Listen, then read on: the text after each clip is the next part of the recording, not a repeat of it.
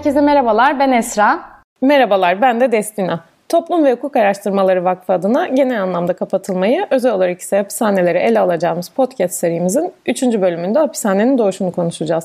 Daha önceki bölümlerde kapatılma ve cezalandırma kavramlarını ayrı ayrı konuşmuştuk. Bugün ise bu iki kavramı birleştirip kapatarak cezalandırmayı tartışacağız. Bizlere İstanbul Bilgi Üniversitesi'nden Arca Alpan eşlik edecek. Hocam hoş geldiniz. Hoş bulduk. Davet ettiğiniz için teşekkürler. Davet kabul ettiğiniz için biz teşekkür ederiz hocam. Ee, ilk soruyla ben başlamak istiyorum. Aslında serimizin ikinci bölümünde de konuştuk e, cezalandırma tarihi hakkında.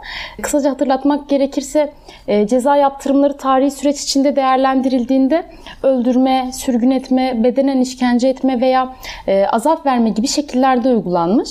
Cezalandırma tarihine baktığımızda aslında hapsederek cezalandırmanın nispeten yeni olduğunu görüyoruz. E, ne oldu da az önce saydığım bedensel cezalandırmadan vazgeçildi ve cezanın infazı için insanların bekletildiği kapatılma mekanları cezanın kendisi haline geldi.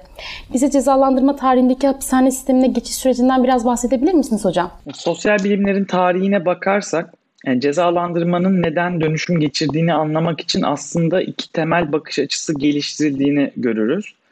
Basitleştirmek gerekirse diğer tüm açıklamaların da bu iki temel kutuptaki fikirleri farklı oran, oranlarda taşıdıklarını düşünüyorum. Birincisi ekonomi politik bakış açısı. Batı'nın kapitalist üretime geçmesiyle artık değer üretimini gerçekleştiren emekçilerin bu değeri ele geçiren hakim sınıf tarafından baskılanmasında ceza hukukunun ve hapishanenin kullanıldığı savunuldu.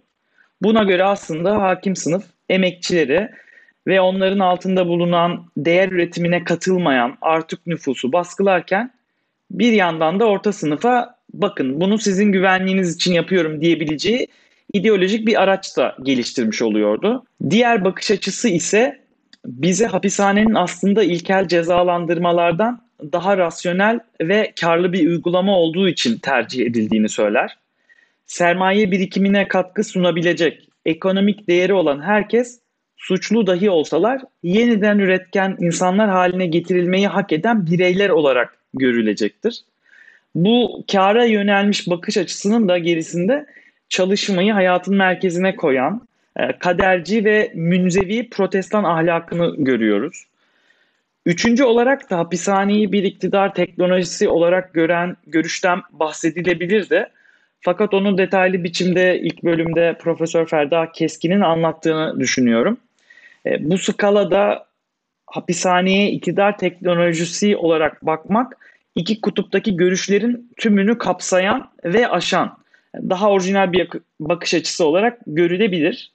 Zira konuya sınıfların çıkarlarından veya neyin rasyonel olduğu üzerinden değil, bizzat bedenin disipline edilmesi üzerinden yaklaşıyor. E, bu, bu da çok daha derin bir bakış açısı sorunun ikinci kısmına yani tarihsel gelişimine gelirsek orada da farklı görü- görüşler mevcut.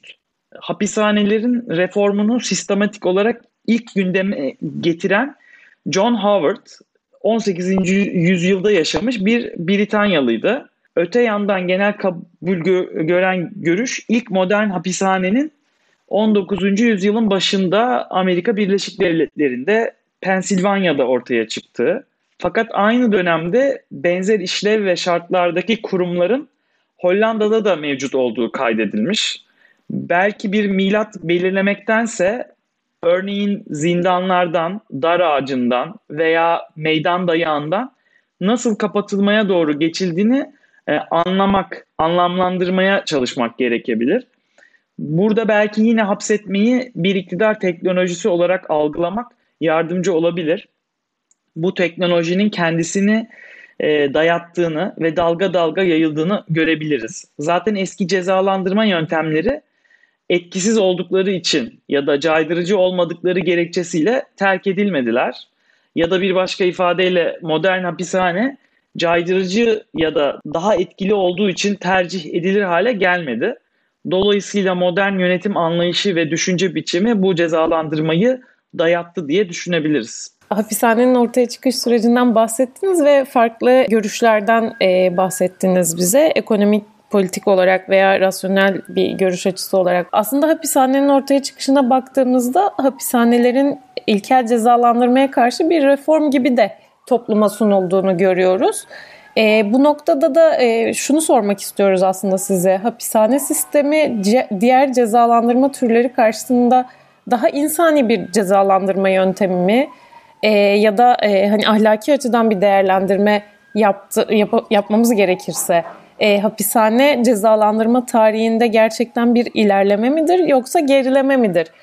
Bu soruyu açıklamak için e, etik felsefesinin gelişimine bakmak faydalı olabilir. Erdem etiğinden hareket eden antik düşünürler için neyin insani olduğu bizim için neyin insani olduğundan çok farklıydı. Bugün çoğu uzman ve entelektüel için idam kabul edilemez ve insan onuru ile bağdaşmayan bir yaptırımken 2500 yıl önce yaşamış Atinalı bir erkek için dört duvar arasına kapatılmak barbarca bir muamele ya da şerefinin ayaklar altına alınması olarak algılanabilirdi. Mesela Sokrates ceza çekmektense canını almayı tercih etmişti.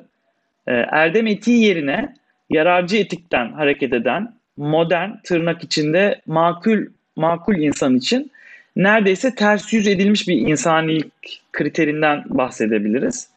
Belki o yüzden Panoptikon ismindeki o meşhur hapishanenin tasarımcısı ile e, modern anlamdaki yararcı etik anlayışının kurucusunun aynı kişi olması tesadüf değildir. Yani Jeremy Bentham'dan bahsediyorum. İlk modern hapishaneleri tekrar düşünelim bu noktada. E, zorla çalışma, inziva ve dört duvar arasına kapatılma temeli oturtulmuş. Bence tam da bu nedenlerle ilerlemeden ya da gerilemeden ziyade başka türlü bir dönüşümün işaretçileriydiler. Ama belki özellikle bir ilerlemeye dikkat çekmek gerekirse o da rehabilitasyon anlayışının ortaya çıkışıydı. Bununla birlikte suç sosyal nedenleriyle algılanmaya başlandı. Suç işleyen bireylere ya da mapuslara sadece hareketlerinin sonuçlarına katlanan rasyonel hukuk özneleri olarak bakılmadı. E, fakat bu peri masalı denemesi maalesef biri pratik, biri de teorik iki cepheden yara aldı. Pratik neden basit? E, o da şu, son 50 yılda neredeyse dünyanın her yerinde yaşanan neoliberalizm e, iyileştirmeyi hedefleyen bir hapishane modeli e, modelini mali gerekçelerle rafa kaldırdı. E, bir yandan da aslında e, Foucault teorik bir cepheden şunu kanıtlamış oldu. E, rehabilitasyonu dayatan, bu patolojik olarak belirleme, damgalama ve iyileştirme süreçleri bedeni disipline eden iktidar pratikleri. Foucault bu oyunun kurallarını ifşa ettiği için büyüsü bozulmuş oldu. Yine de bu iki neden tırnak içinde insani bir cezalandırmanın hiçbir yerde ve zamanda uygulanmadığını göstermez. Ee, yine bu görece insani bulduğumuz, uzmanların çok övdüğü hapishane sistemleri neoliberal mali mantığa uymuyor diye veya e, Foucault'cu sosyal teoride eleştirildiği için e, görece daha etkili olmadığı da söylenemez. E, suç oranları ve hapsetme oranlarının düşüklüğü e, ve tırnak içinde lüks hapishaneleriyle ünlü birçok Kuzey Avrupa toplumunda bu örnekler bugün hala yaşıyor. Bunlar sadece 20. yüzyılın refah devletinin tatlı hatıralarında kalmadılar. E, günümüze kadar gelebildiler. Bu iki sorunun iki boyutunu bu şekilde belki bağlayabiliriz. Hocam aslında e, cezalandırma tarihinde hapishanenin e, tarih sahnesine çıkışından bahsettiniz. E, ben de aslında şunu hatırlatmak istiyorum. E, aslında cezalandırma tarihinde hapishane fikri tartışmaya açıldığında e, birçok ıslahçı tarafından eleştirilmiştir e, denilmiştir ki hapishane toplum için yararsız hatta zararlıdır, masraflıdır ki az önce siz de değindiniz. E, ayrıca bir cezanın tamamına erdiğinin denetlenmesi zordur ve e, mapusları gardiyanların keyfine teslim etme tehlikesi taşımaktadır. Ee, yine denilmiştir ki insanı özgürlüğünden mahrum bırakma ve onu hapishanede gözetim altında tutma mesleği tirence bir uygulamadır. Sonuç olarak hapishane karanlık, şiddet ve kuşkudur denilmiş. Aslında bugün sadece Türkiye hapishanelerinde yerleşen keyfi uygulamalara ve yaşanan hak ihlallerine dahi bakıldığında 300 yıl önceki kaygıların çok da haksız olduğu söylenemez. Yani mapuslara daha insanca bir cezanın uygulanacağı ve ıslah edileceği vaatleriyle kurulan hapishane sayısız reforma rağmen e, bir türlü beklenen işlevi yerine getirmemiş. Tersine neredeyse suçun kendisinin kurumsallaştığı mekanlara dönüşmüştür. Şunu sormak istiyorum. Tüm bu kaygılar haklı çıkmışken ve hapishanelerin suç oranını azaltmadığı, aksine arttırdığı da birçok çalışmayla ortaya konmuşken bu sistemde ısrarın sebebi nedir? Şimdi ilk sorudaki karşıt paradigmaları tekrar hatırlayabiliriz. E, hapishanelerin hala sürdürülmesindeki ısrar ne maddi bir gerçeklikten kaynaklanıyor, e, Marksistlerin belki iddia ettiği gibi, ne de sembolistlerin belki iddia ettiği gibi rasyonel bir ihtiyaçtan. Aslında kapitalizmin ya da modernizmin bugünkü versiyonunun tarihsel bir anlatı olarak kendi altın çağına olan e, kalıtsal bir inancı var. Yani hapishanenin tarih boyunca hep var olduğu, modern hapishanenin ise sadece bu ihtiyacı reforme ettiğine olan bir inanç bu. E, bu nedenle alternatifi olmayan hukuki ve bürokratik ebedi bir müessese olarak görülüyor. E, halbuki bugün baktığımızda e, ivme ne kadar yukarı doğru hareket alsa da örneğin e, Türkiye'de açılan davaların yarısının e, beraat ile sonuçlandığını, e, mahkumiyet oranlarının gelişmiş ülkelere göre düşük olduğunu biliyoruz.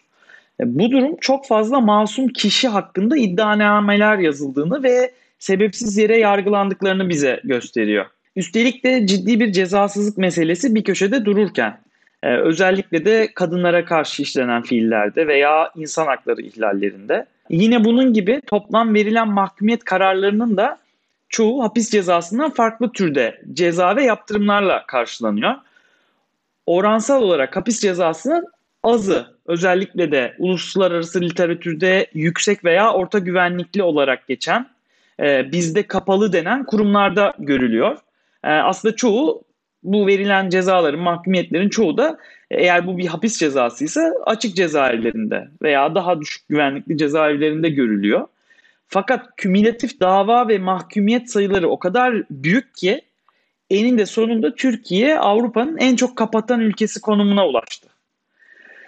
Ee, şimdi bu sorunun yine o e, maliyet boyutuyla birlikte düşünürsek şuraya doğru gidiyoruz. Şimdi hapishanelerin pahalı olduğunu ve hak ihlallerine yol açtığını öngörenlerin Türkiye'de hiçbir dönem yanılmadıklarını da rahatlıkla söyleyebiliriz. Ee, hak boyutu hali hazırda Avrupa Konseyi'nin işkenceyi önleme komitesinin artık sayısı sanırım 30'u geçen raporlarında apaçık ortada. Fakat mali boyutu da düşündürücü. Fakat dünyanın birçok yerinde e, özellikle de kamu politikalarının kamu yararı için değil, sermaye çıkarları e, veya kişisel çıkarlar için eğilip büküldüğü yerlerde hapishanelerin yapımına devam edildiğini görüyoruz. Yani bu başarı ya da maliyet e, konusu ısrar konusuyla birleşirse işte bizde de iş yurtları denen mahpus emeğinin ucuza kullanıldığı fırsatlar e, veya hapishane binasının bizzat inşaatının yarattığı arazi rantı veya hapishane kompleksinin yapıldığı yerde yarattığı sözde ekonomik canlanma gibi pek çok mikro iktisadi gerekçeler de bu ısrarı besliyorlar. Hocam aslında anlattıklarınıza baktığımızda e, daha fazla maliyetli olmasına rağmen hapishanede diretilmesinin e, egemenin tahakküm pratiğinin yanında bir de kapitalist sistemin bir dayatması olarak yani aslında bu rant e, hapishane arsalarının rant pratiği, e, infaz koruma memurlarına yönelik bir iş kolu yaratması ve benzeri uygulamalar açısından da bir kapitalizmin bir pratiği olduğunu e, anlattınız. Başta da aslında istatistikleri verirken şeyden bahsettiniz. Yani e, bir cezasızlık politikasının kenarda durduğundan bahsettiniz. Hak ihlallerine karşı insan hakları ihlaline sebebiyet veren özellikle kamu personeline yönelik bir cezasızlık politikası olduğundan bahsettiniz. Baktığımızda bugün Türkiye'de e, özellikle son dönemlerde muhaliflere yönelik de çok fazla e, baskı aracı olarak kullanılıyor bu tutuklamalar ve hapishaneler bir korkutma pratiği olarak da kullanılıyor. E, buradan şuraya bağlamak istiyorum. Agamben'in çalışmalarında kamp istisna halinin zamanla kural haline geldiği mekanlar olarak tanımlanıyor. Biraz bununla bağlantı kurmak istiyorum. E, kamp hukukun e, askıya alındığı yasasız bir yasa uzamı olarak tanımlanıyor. E, aslında biz de Esra ile beraber uzun zamandır hapishane üzerine çalışan iki avukat olarak hapishanelerin hukukun askıya alındığı bir yasa uzama olduğunu düşünüyoruz. Biraz önce siz de söylemiştiniz aslında işkence yasağının mutlak bir yasak olduğundan bahsetmiştiniz. E, savaş zamanlarında bile baktığımızda aslında işkence e, ihlal edilemez bir hak ve her koşulda yasak olan bir şey. E, oysa e, Türkiye hapishanelerine baktığımız zaman işkence neredeyse sistematik bir şekilde işlenen bir suç.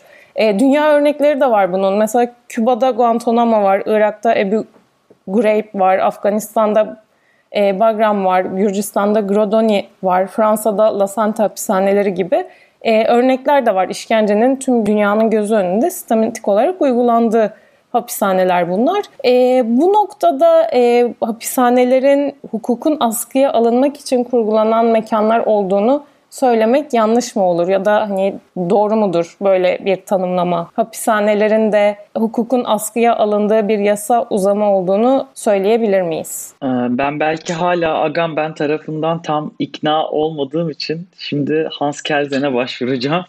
Hans Kelsen e, kelime kelime demese de e, mealen bize hukukun e, ancak ihlal edildiğinde hukuk olduğunu söyler. E, yani ona göre hukuk normu yürürlüğe konsa bile ancak ihlal edildiği, soruşturulduğu ve hakkında idari ya da hukuki herhangi bir işlem yapılıp bir karar alındığında gerçek bir hukuk kuralı olur. Yeniden üretilmesi gerekir. E, hukuk hiçbir zaman askıya alınmaz. Aslında hukuk ihlal edilir. E, mesela verdiğiniz örnekten hareket edelim. Amerika Birleşik Devletleri'nin e, 2001 yılında sözde olağanüstü hal ilan edip Guantanamo'da yaptığı işkencelerin de e, kaynağı aslında olağanüstü hali ilan etmeye yetkisi veren o anayasal kurallar değil, e, işkence yasağını kayıtsız şartsız ihlal eden hukuki durumun kendisi. Yani o işkencelerin kaynağının aslında hmm, anayasadan kaynaklandığını değil, o o müessesenin yarattığı e, hukukun ihlal edilmesi olduğunu düşünüyorum. E, çünkü bize o hakları veren de aslında anayasanın kendisi.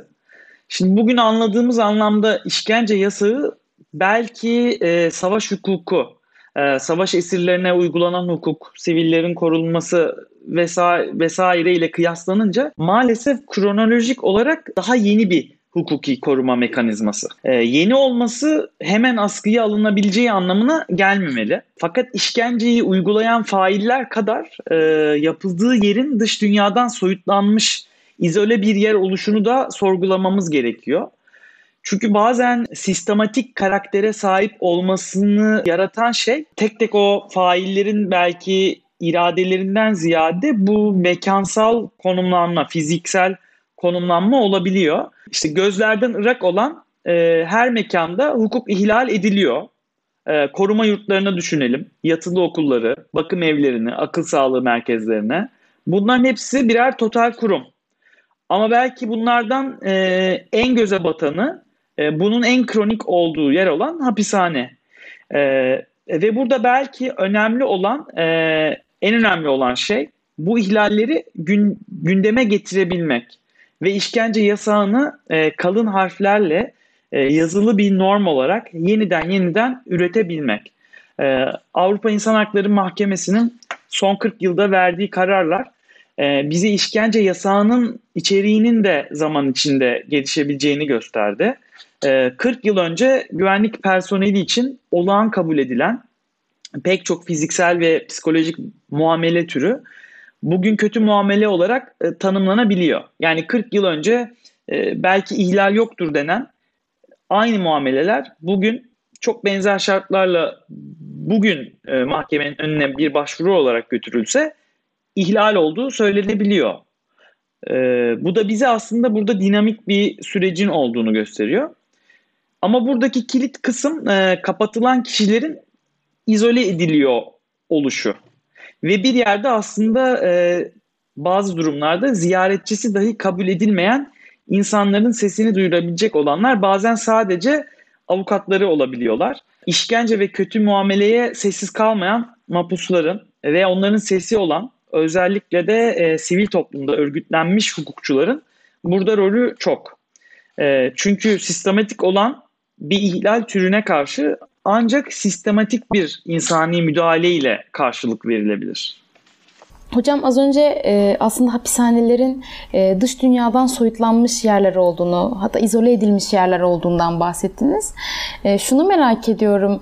E, her ne kadar bu alanda yoğunlaşıp e, değerli çalışmaları imza atan kişi ve kurumlar olsa da hapishaneler üzerine e, akademik araştırma ve inceleme sayısı oldukça az.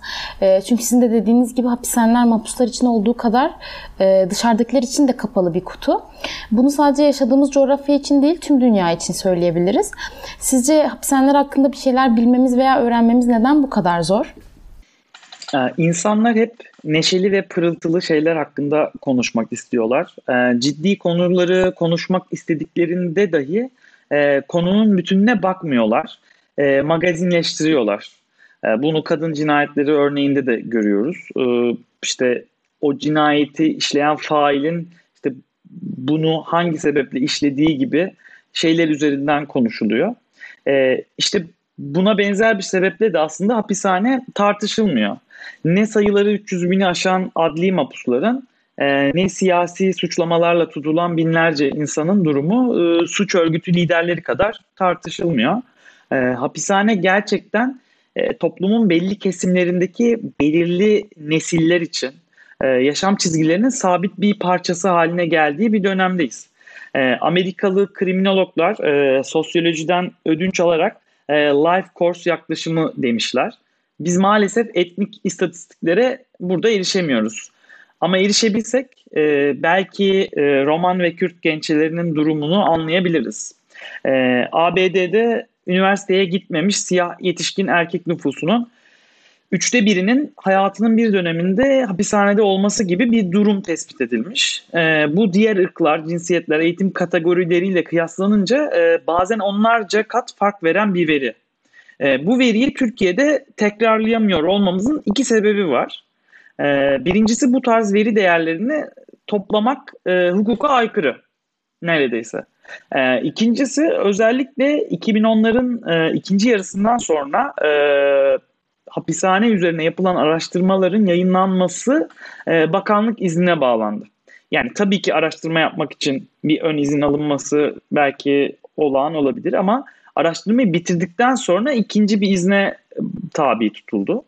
Yani Türkiye İstatistik Kurumu'nun toplamadığı genel istatistiği e, eğer bir araştırmacı ben birkaç kurum üzerinde etnografik veri olarak toplayacağım ya da anket verisi olacak olarak toplayacağım derse araştırma belki yapmak için izin alabilecek ama yapıp bitirdiği araştırmanın yazılı halini devletin tekrar görmesi gibi bir durum söz konusu. E, bu durumda e, yani devlet beğenmezse bunun yayınlanmasına izin vermeyebiliyor. E, bunun gibi pek çok yasal ve etik bir sürü problem doğuyor.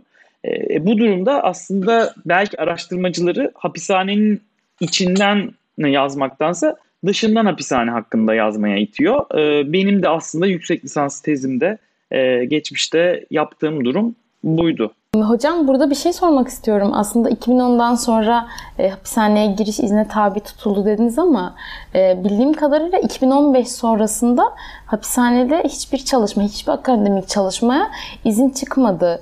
E, çünkü e, yakın zamanda dört duvar arasında kadın diye bir çalışma e, yayınlandı. Galatasaray Üniversitesi'nden iki hoca yayınlamıştı ve e, kitabın giriş kısmında buna ilişkin bir bilgi yer alıyordu. 2015 sonrası daha da e, 2015 öncesinde zaten zor olduğunu ama 2015 sonrasında da e, engellendiğine ilişkin sizin bu konuda bir bilginiz var mı? Ee, aslında ben burada bir, e, konunun bilmediğim kısmını iyimserlikle doldurmuşum. E, demek ki benim verdiğim örnekten, benim son e, güncel e, güncel olmayan o bilgimin bilgimdeki e, durumdan daha vahim bir durum söz konusu. Bu tabii üzücü.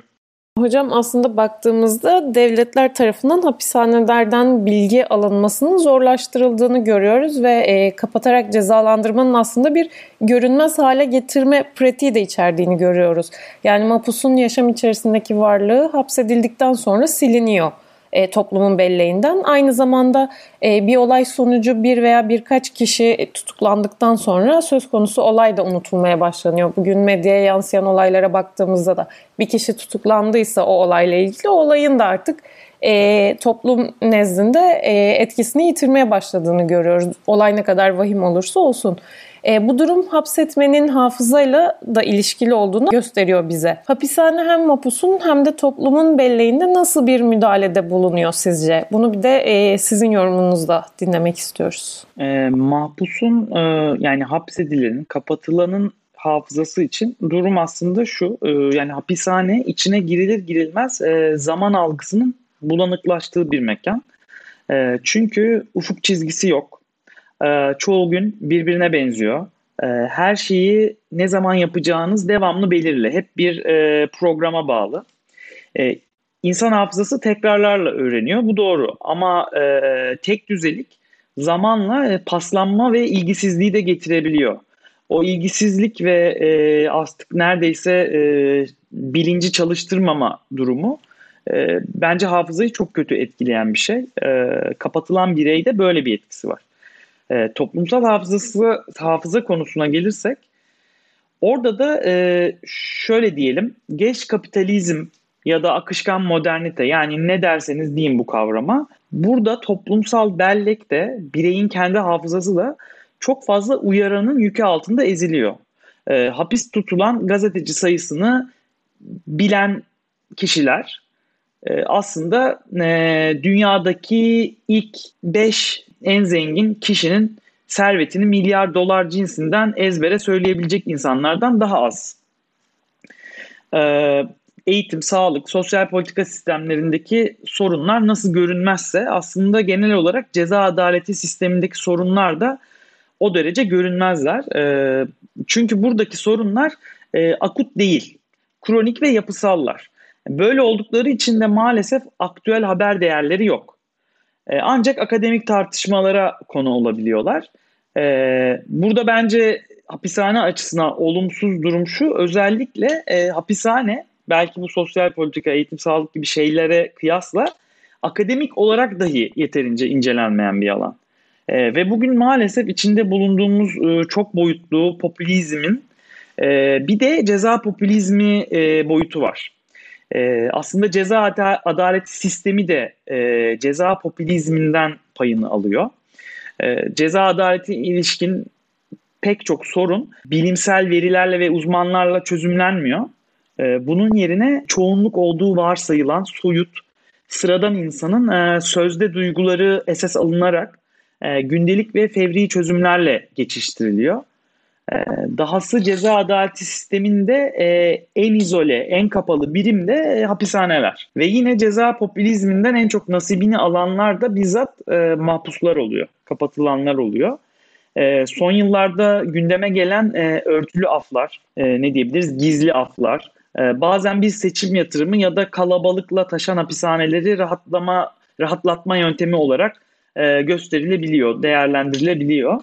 Ama en nihayetinde orada tüm mahpuslar için bir düzenleme yapılmıyor. Her zaman bazı kategoriler ve sınırlar belirleniyor. Bazıları ise bunun dışında bırakılıyorlar. Ve her düzenlemede e, ki bunlar e, aslında sıklaşmaya başladı. E, bu kategoriler ve sınırlar yeniden üretiliyorlar, pekiştiriliyorlar. tahminimce bu durum belki de kalabalığın yarattığı fiziksel ve zihinsel sorunlar kadar yıkıcı başka bir olguyu da besliyor. E, o da marjinalleştirme. E, yani bu görünmezlik e, aslında hapishanenin e, bu e, yani görünmezlik hapishanenin doğasından kaynaklanıyor. Ama bir de e, hapishanenin içinde de farklı kategoriler yaratılıp bazı kategoriler daha da görünmez kılınıyor.